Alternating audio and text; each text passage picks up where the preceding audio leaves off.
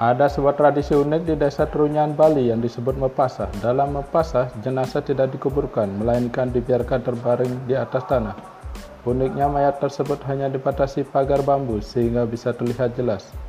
Meskipun tempat tersebut penuh mayat, sama sekali tidak tercium aroma busuk. Pasalnya di sana terdapat pohon baru yang disebut pohon menyan, yang mampu menyerap bau tersebut. Usia pohon ini sudah ribuan tahun sehingga akarnya sangat kokoh.